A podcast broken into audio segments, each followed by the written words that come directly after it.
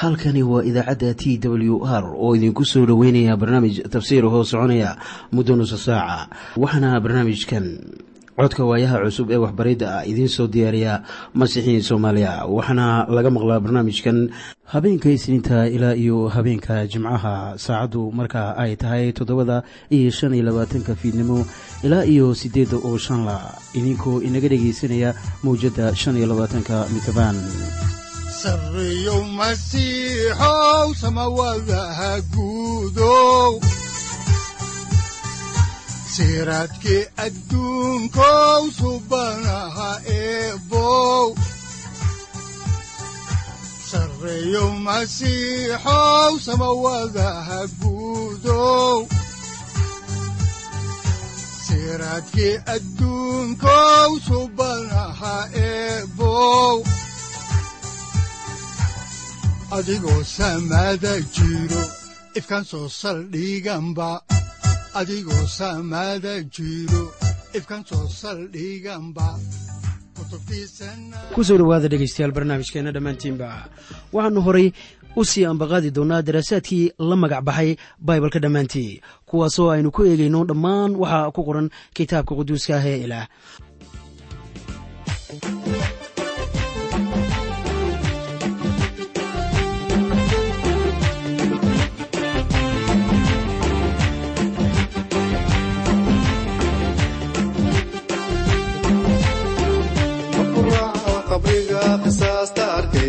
la la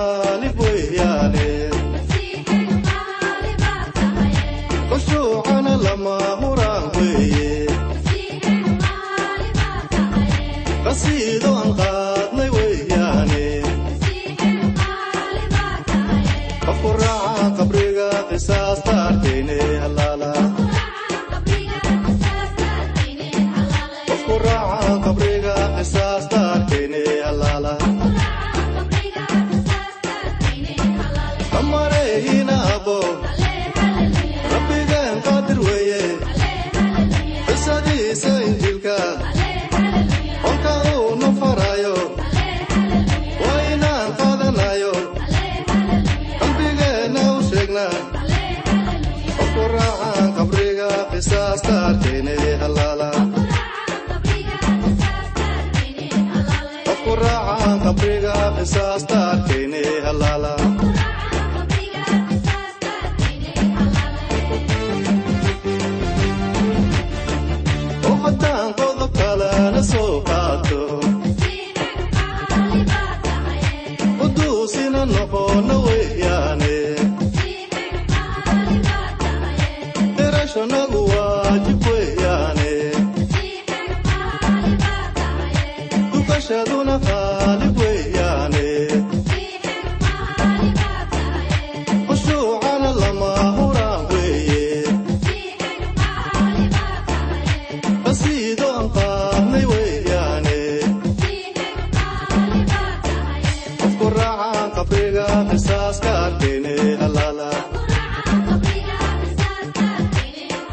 qofku raaca dambiga qisaaska arkayne halaala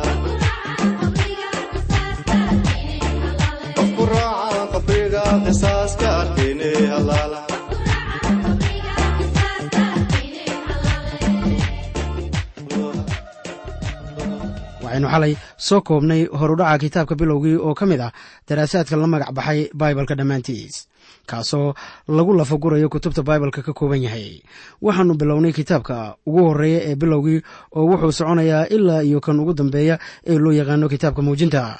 Waxaan hubaa inay taasu fursad weyn oo waxgarasho ah siinayso dhammaan dhegaystayaasha hawada inaga dhegaysta.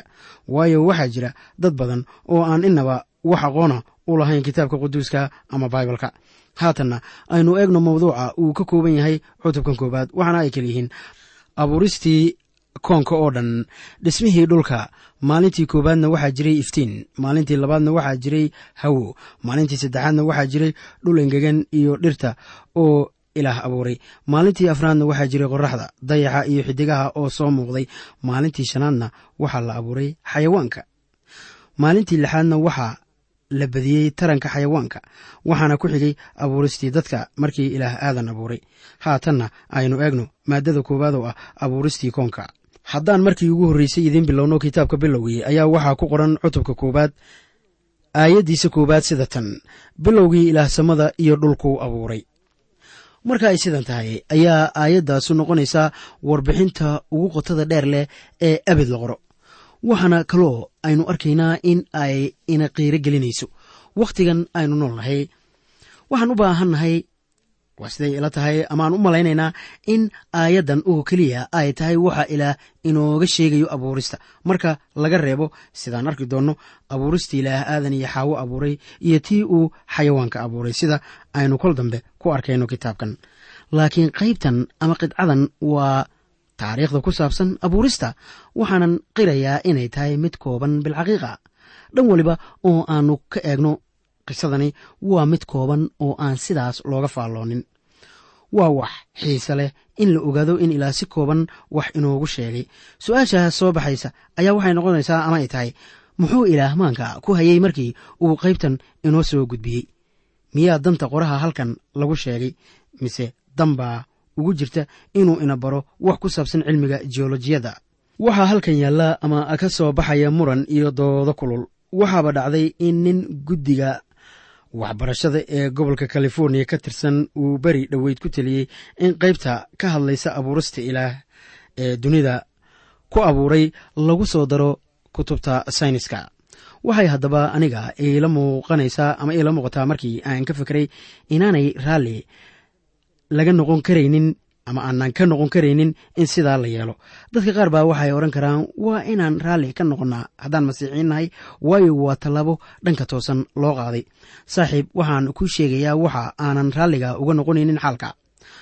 Waxaan ka walaacsanahay macallimiinta baraya qaybtaas kuwa ay noqonayaan. Haddaba in la helo macallimiin masiixiyiin ah oo cilmi u leh kitaabka quduuska oo awoodayaa in ay dadka si hagaagsan wax u baraan ayaa muran weyn ka imanaya. Qaar aan badnayn oo ka mid ah macallimiinta dugsiyada ayaa diyaar u ah in ay ardada baraan taariikhda ku saabsan abuurista. Doctor ralph girard oo ah brofesor ku takhasusay cilmiga biolojiga oo hormood ka ah qaybta qalinjabinta ee jaamacadda california ee deegaanka davis ayaa laga wariyey inuu qoray.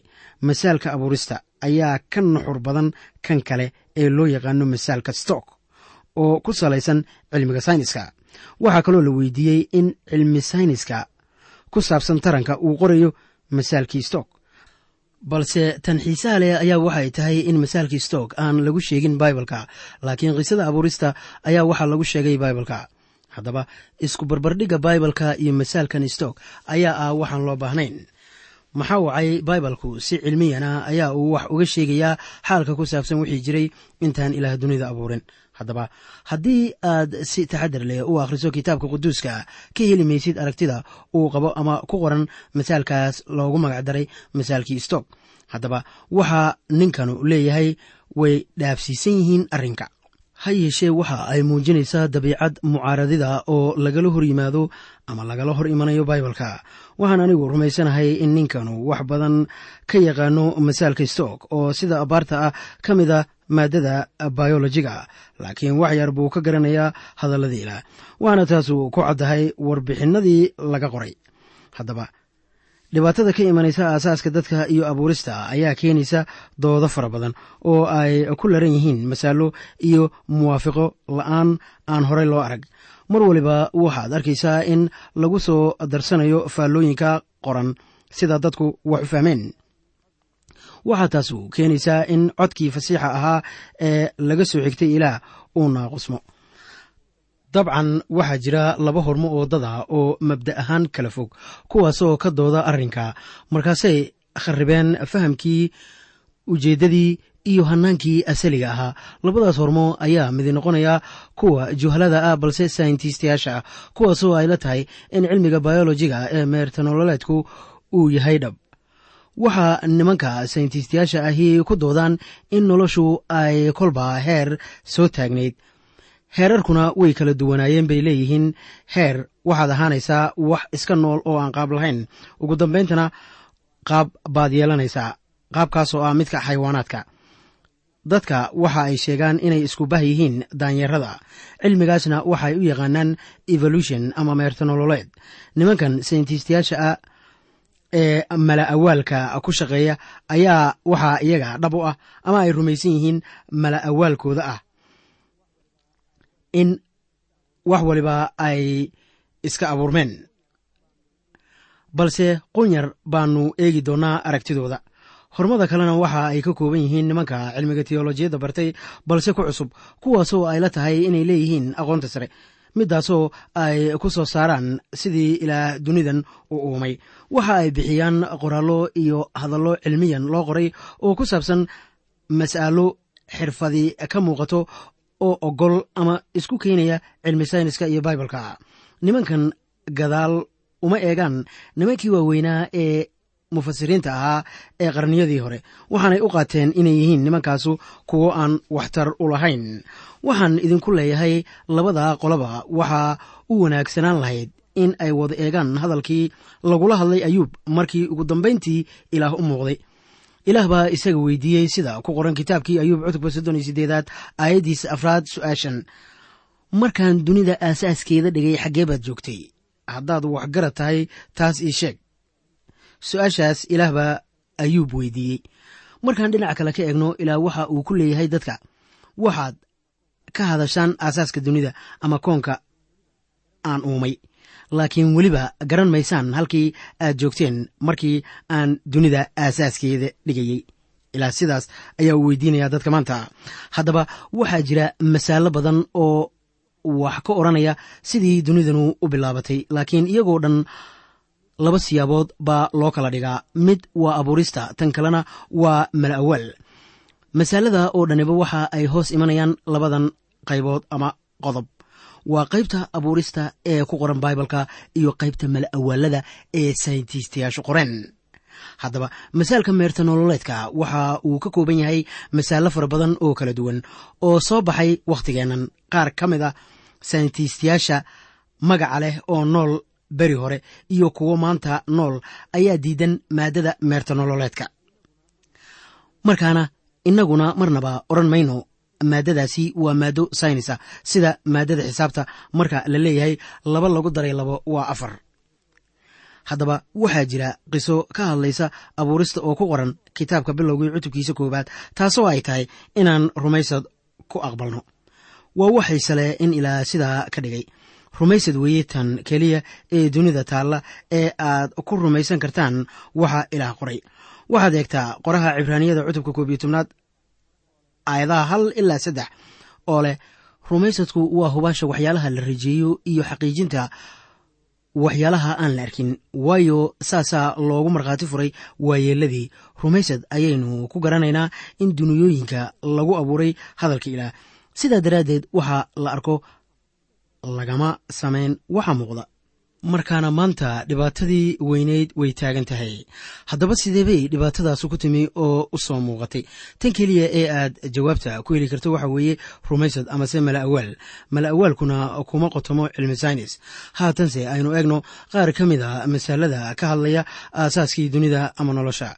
Waxaa jira kuwo inoo sheegaya inaan aqbalno jawaabta cilmi sayniska ah waxaan weydiinayaa kuwa waa maxay jawaabta cilmi sayniska ah ee ka hadlaysa xaaladda aasaaska. Saynis caynkee ah baynu ka hadlaynaa. Sannaddii kun iyo siddeed boqol iyo lixdii ayaa brofesoorka la yidhaahdo layel waxa uu leeyahay macad ku yaalla waddanka faransiiska ayaa xisaabay masaalo ka hadlaya abuurista oo aan ka yarayn siddeetan masaal oo giddigoodba ka soo horjeeda qorniinka laakiin ma jiraan mid ka mid a masaaladaas oo maanta jira muuse waxa uu ahaa adeegihii bani aadanka ahaa ee ilaah isticmaalayey inuu qoro kitaabka bilowgii. Waxaanan u malaynayaa in uu ilka caddayn lahaa haddii uu arki lahaa khaakuulka maanta ka taagan qisadan abuurista. Waayo isaga uma uusan qorin dan ama ujeeddo ah in uu dadka siiyo qiso cilmi saynis ku fadhisa. Bawlos waxa uu inoo sheegayaa danta laga leeyahay qorniinka oo dhan. Warqaddii labaadii rasuul bawlos u qoray timotees cutubka saddexaad aayadaha lix iyo toban ilaa toddobiyo toban ayaa waxaa bawlos inoogu sheegayaa qasadka laga lahaa qorniinka waxaana qoran qorniin kasta wuxuu ku ahaaday ruuxa ilaah oo waxtar buu u leeyahay waxbaridda iyo canaanashada iyo hagaajinta iyo edbinta xagga xaqnimada in ninka ilaah u ahaado mid dhan oo aad loogu diyaariyey shuqul kasta oo wanaagsan. Danta qorniinka waxa weeye tusmaynta xagga xaqnimada. Ma ahan ama looma qorin in aad dadka barto wax ku saabsan geolojiyada ama biolojiga. Waxaase loo qoray inuu muujiyo xiriirka dadka iyo ilaah iyo shuruudaha. Ilaah dadka ka doonayo iyo waxa ay tahay in dadku sameeyo si loo badbaadiyo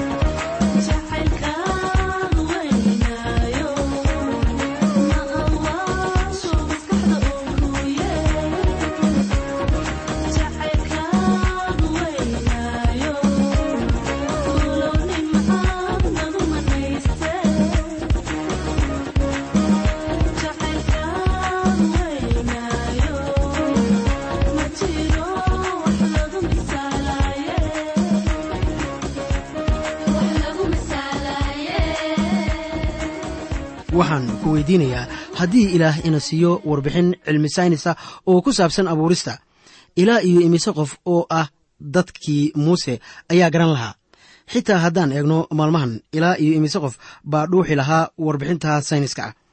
Waa inaad xusuusataa ama xusuusnaataan in baibalka aan loo qorin dadka brofesorada ah oo keliya laakiin waxaa loo qoray dadka caadiga ee wakhti kasta ku nool meel walba oo dunida guudkeeda ah haddii lagu qori lahaa luuqadda cilmi sayniska sida hubaasha ah waa la diidi lahaa waayo dadka caadiga ahi wakhti uma hayaan ay ku eeg eegaan hadallo saynisa markaana dadka waxa ay la yimaadeen natiijooyin dhowr ah oo khuseeya ama la xiriira aasaaska dunida.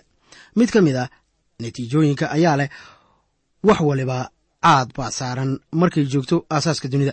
Haddaba aragtidaas ayaa ka soo horjeeda xaqaa'iqa miyaanay sidaa ahayn welibana waxaa jira dad rumaysan masaalkaas. Waxaa kaloo jira kuwo rumaysan in dunida hawe cidlaa ay ka abuurantay. Marka dhinac laga eego waa sida baibalku leeyahay taas. Inkastoo baibalku leeyahay haddana ilaah baa hadlay oo dunidiina way ahaatay. Aragti kale ayaa waxa ay leedahay dunidu aasaas ama bilow ma lahayn laakiin weligeed way jirtay. Aragtida afraad ayaa waxa ay leedahay dunida waa la abuuray.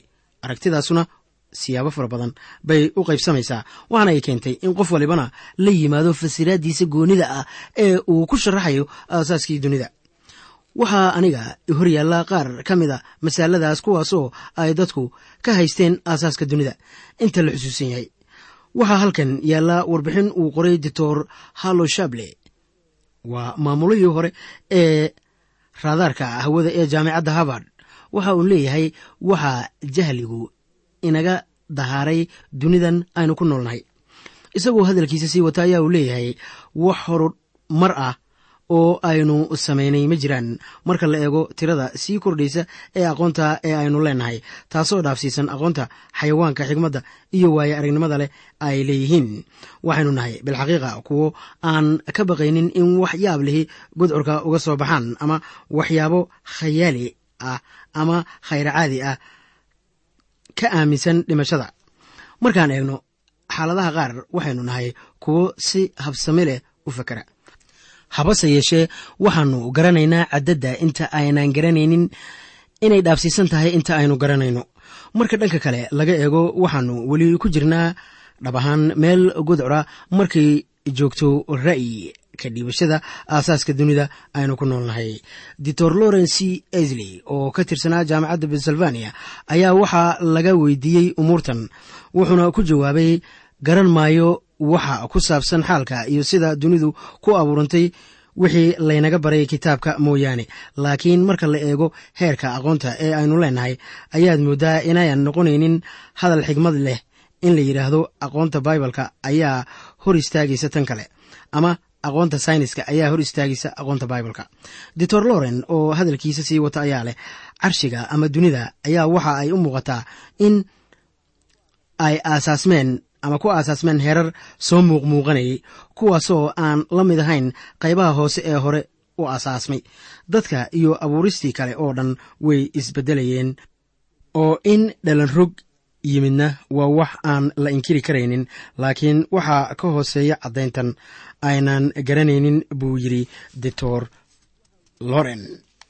Waxa uu leeyahay waxaan jeclaan lahaa inaan su'aalihiinna idinka jawaabo laakiin inaan huwiyo aqoon darradayda hadallo waaweyn ayaan adiga iyo anigaba wax faa'iidaah ugu jirin markaa sida aad arkaysaan baa dhegaystayaal ninna fasiraad uma hayo sidii dunidu ku aasaasantay. Waxaase laysla dhex ordayaa hadallo nin waliba soo mala awaalay. Dunidan eebe abuuray. Ma ahan mid mala awaal ku shaqaysa. Waa duni wax waliba ay ku cad yihiin oo aqoon sare iyo abaabul ku ahaatay.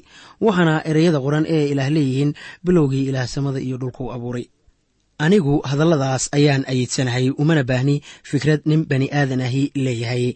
Waxaan haddaba idinku buurinayaa inaad nala socotaan si aad wax badan uga ogaataan fikradaha ilaah ku qoray kitaabkiisa iyo kuwa dadku ay mar waliba la yimaadaan. Waxaanaad la yaabaysaa markii aad aragto fikrado badan oo dadka ka yimi oo isburinaya maalinba maalinta ka dambaysa waxaad maqlaysaa caddaymo cusub baa la helay oo fikradda ama masaalka caynkaas ah waa lagu degdegay. Dhegayste ilaahii ibraahim iyo isxaaq iyo yacquub ayaa weli jira oo isaga ilaah ahaa oo sii ahaanaya haatan iyo tan iyo weligeedba. Miyaanu arrinkaa xiisad weyn kuu lahayn? Haddaba zaburluhu wuxuu yidhi rabbigu isagaa taliya haddaba dhulku ha rayreeyo oo gasiiradaha badanuna ha wada farxeen aamiin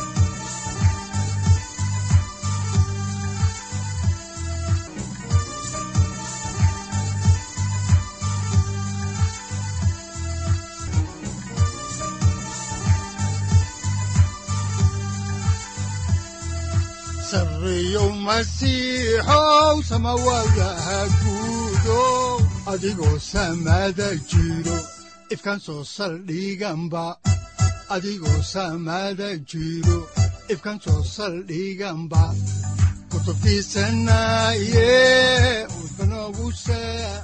halkani waa t w r idaacadda t w r oo idinku leh ilaa ha idin barakeeyo oo ha idinku anfaco wixii aad caawi ka maqasheen barnaamijka.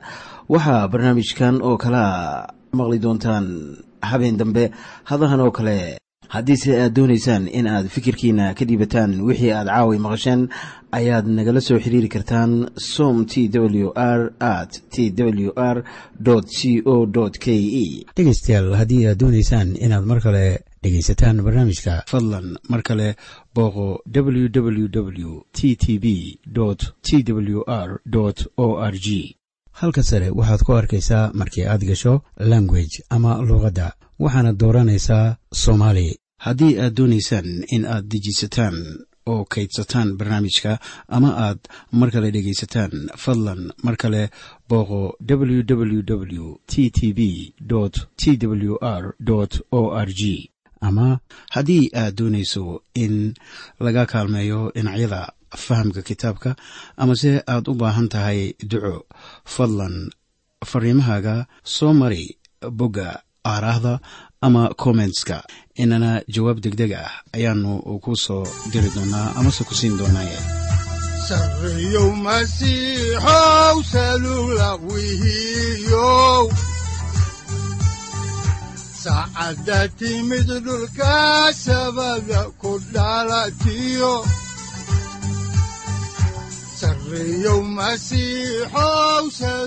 halkani waa t w r oo idiin rajaynaya habeen baraare iyo barwaaqaba leh inta aynu ka gaari doono wakhti aynu ku kulanno barnaamij la mida kan caawayay aad maqasheen. Waxa aan idinku leeyahay nabadda ciise masiix ha idinku badato xagga jirka iyo ruuxaba. Aamiin